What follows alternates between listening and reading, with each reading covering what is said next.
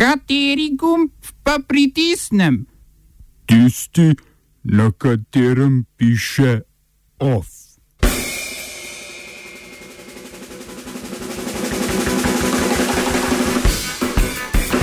Grčija kapitulirala. Vedno aktualna brezpilotna letala. Napad na človekove pravice na kitajskem. Sprejetje strategije upravljanja s kapitalskimi naložbami.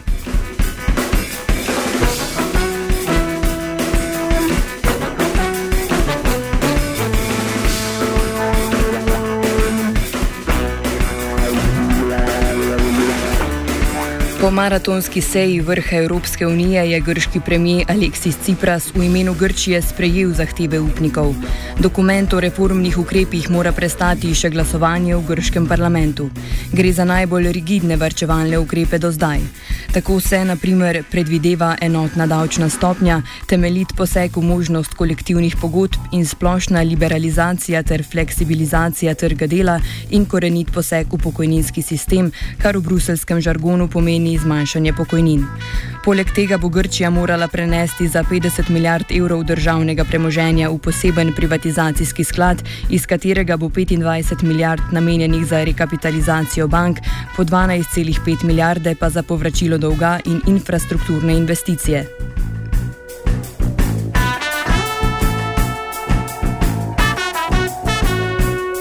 Včerajšnji vrh Evropske unije je sprožil burne odzive v svetovni javnosti. Razburil je predvsem prvotni neuresničeni plan, da bi nalogo prej omenjenega sklada prevzela podružnica nemške družbe KFV, katere nadzornik je nemški finančminister Wolfgang Schäuble. Ljudje je razjezil tudi, tudi aroganten odnos drugih evropskih voditeljev do jasno izražene volje grškega ljudstva, ki nasprotuje varčevalnim ukrepom. Na socialnih omrežjih je bilo tako moč zaslediti množično gibanje pod imenom Disi za kap oziroma slovenjeno gre za državni udar. Več o grški kapitulaciji pa v današnjem offsajdu ob 17.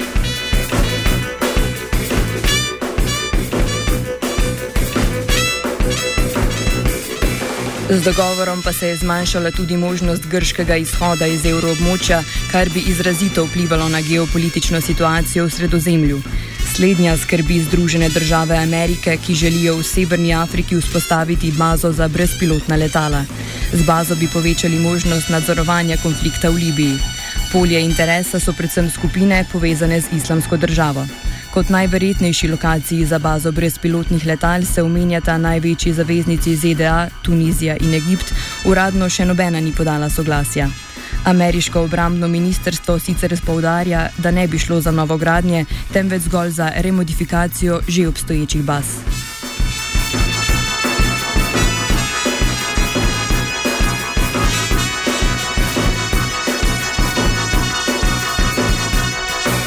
Brezpilotnimi letali oziroma droni pa se ukvarja tudi Velika Britanija. O novem britanskem proračunu, posebno o rezih v socialno državo, smo poročali v petkovem kultivatorju. Obrambi sta namenjena 2 odstotka bruto domačega proizvoda, ob današnjem obisku vojaškega letalskega oporišča Weddington pa je premijer Cameron razkril, zakaj se bodo sredstva porabila. Kot glavna varnostna tveganja je izpostavil islamsko državo, Asadov režim in ruski ekspanzionizem.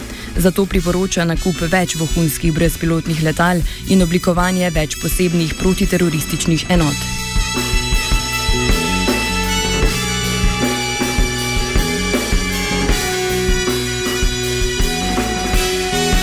Za varnost pa bodo poskrbeli tudi Izraelci. Na komercialna letala družbe Akira in Azrair, ki letijo v letovišče Elijat na jugu Izraela, bo izraelsko obrambno ministrstvo namestilo protiraketni sistem Skyshield. Gre za sistem, ki ga razvija izraelska družba Elbit, vključuje pa laserje in termalne kamere, ki ob odkritju raket lete preusmerijo. Razlog za to so, po navedbah izraelskega obrambnega ministra, predvsem teroristični napadi skupine Islamska država.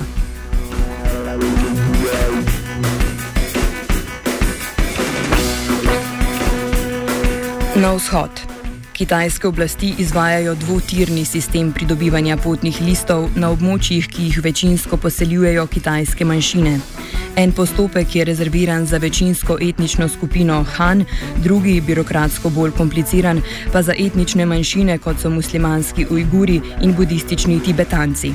Namen to vrstnega ukrepa je predvsem omejiti verska romanja, nedvomno pa ukrep strmi tudi k razseljevanju že omenjenih etničnih manjšin v druge kitajske regije.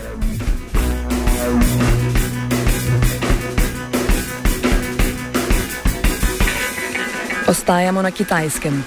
Tamkajšnje oblasti so v obsežni akciji aretirale več kot 100 odvetnikov. Po navedbah Amnesty International naj bi šlo za advokate človekovih pravic. Uradni Beijing trdi, da gre za kriminalne organizacije, ki z denarjem, zbranim iz internetnih kampanj in prost prozahodnih financerjev uničujejo javni red in mir. 86 odvetnikov so medtem že izpustili. Slovenija will try to help. We can. Slovenija will. And we will. Do our utmost to solve our problem ourselves. And we will. Make further steps as soon as the conditions are met. News from Slovenia. We know how and we will.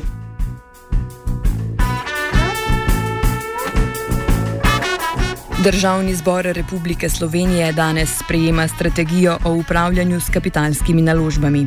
Strategija omenja 91 naložb v skupni vrednosti 11 milijard evrov, ki jih je vlada razdelila v strateške, pomembne in portfeljske. Strateške so tiste, kjer bo vlada ohranila 50-odstotno lastništvo plus eno delnico, pri pomembnih 25 odstotkov in eno delnico, portfeljske pa bi SDH lahko prodal. Slednjih je največ, kar 46. Več o tako imenovani strategiji pove Luka Mesec iz Združene levice uvodoma lahko ugotovimo, da tukaj ne gre za strategijo upravljanja, ker ne odgovarja na vprašanja, kaj razvijati, na kakšen način, katere so prioritetne panoge, kje ustvarjati nove zaposlitve in tako naprej. Se pravi, ni razvojna strategija, ni upravljalska strategija, ampak strategija odgovarja samo na eno vprašanje in to je, iz katerih uh, naložb se država omakne, se pravi, z drugimi besedami, kaj privatizirati in v kolikšni meri. Se pravi, to je v bistvu, če jo očistimo balasta, dobimo uh, seznam oziroma uh, osrednjo klasifikacijo podjetij, ki ni nič drugega kot nov spisek za privatizacijo. Združena levica je predlagala nekaj dopolnil k strategiji. Z njimi želi, da se v strategijo uvrsti in ovrednoti tudi 15 podjetij z že sprejetega seznama privatizacije, da se A-banko Vipa in banko Celje obravnava kot združeno bar banko, ter da se Krka, Gorenje in Petrol opredelijo kot strateške. Namen dopolnil pojasni mesec. Mi smo v bistvu na matičnem odboru, kjer smo obravnavali to strategijo, eh, podali bistveno ambicioznejše amandmaje, ki so šli od črtanja določenih delov strategije, usklajevanja zakonodajno-pravno službo do dodajanja pač eh, nekih um, nefinančnih ciljev upravljanja do tega, da smo pač posegali v klasifikacijo in tako naprej, ampak je koalicija vse zavrnila. In edini del, ki je še odprt, je pač ta klasifikacija naložb, kjer smo pa ja predlagali naslednje mandmaje. Zdaj za Gorenje in Krko se nam zdi logično, da bi morala biti po vseh vsebinskih kriterijih, kljub temu, da tam država nima 50 odstotkov, ampak bi mogla biti kljub temu po vseh vsebinskih kriterijih opredeljena kot strateška, ker gre za dve praktično najpomembnejši slovenski blagovni znamki. Potem A banka Vipa in banka Celje sta de facto že združena banka in je zato naravno smešno, da se obravnava posebej uh, z izgovorom, da se bosta tudi, uh, tudi pač zlili zdaj v eno banko šele v tem uh, tretjem četrtletju letošnjega leta, uh, mislim, kot da si je vlada pripravila strategijo za en teden. Ne razumem tega in zato smo v bistvu tudi predlagali, da pač ni nobene druge variante, kot da ti dve banki obravnavamo ločeno.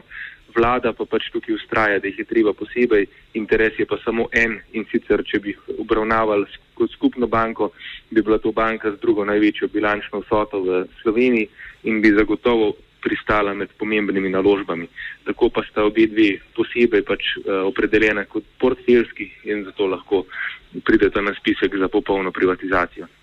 Um, tretji amandma, ki ga vlagamo, pa je, da mora priti 15 podjetij iz tistega zelo glasnega spiska za hitro privatizacijo, se pravi tista, ki še niso prodana, tudi v klasifikacijo in se more pač vlada do njih opredeliti, ali gre za pomembna strateška ali portfeljska eh, podjetja. OF je naredil Zupan.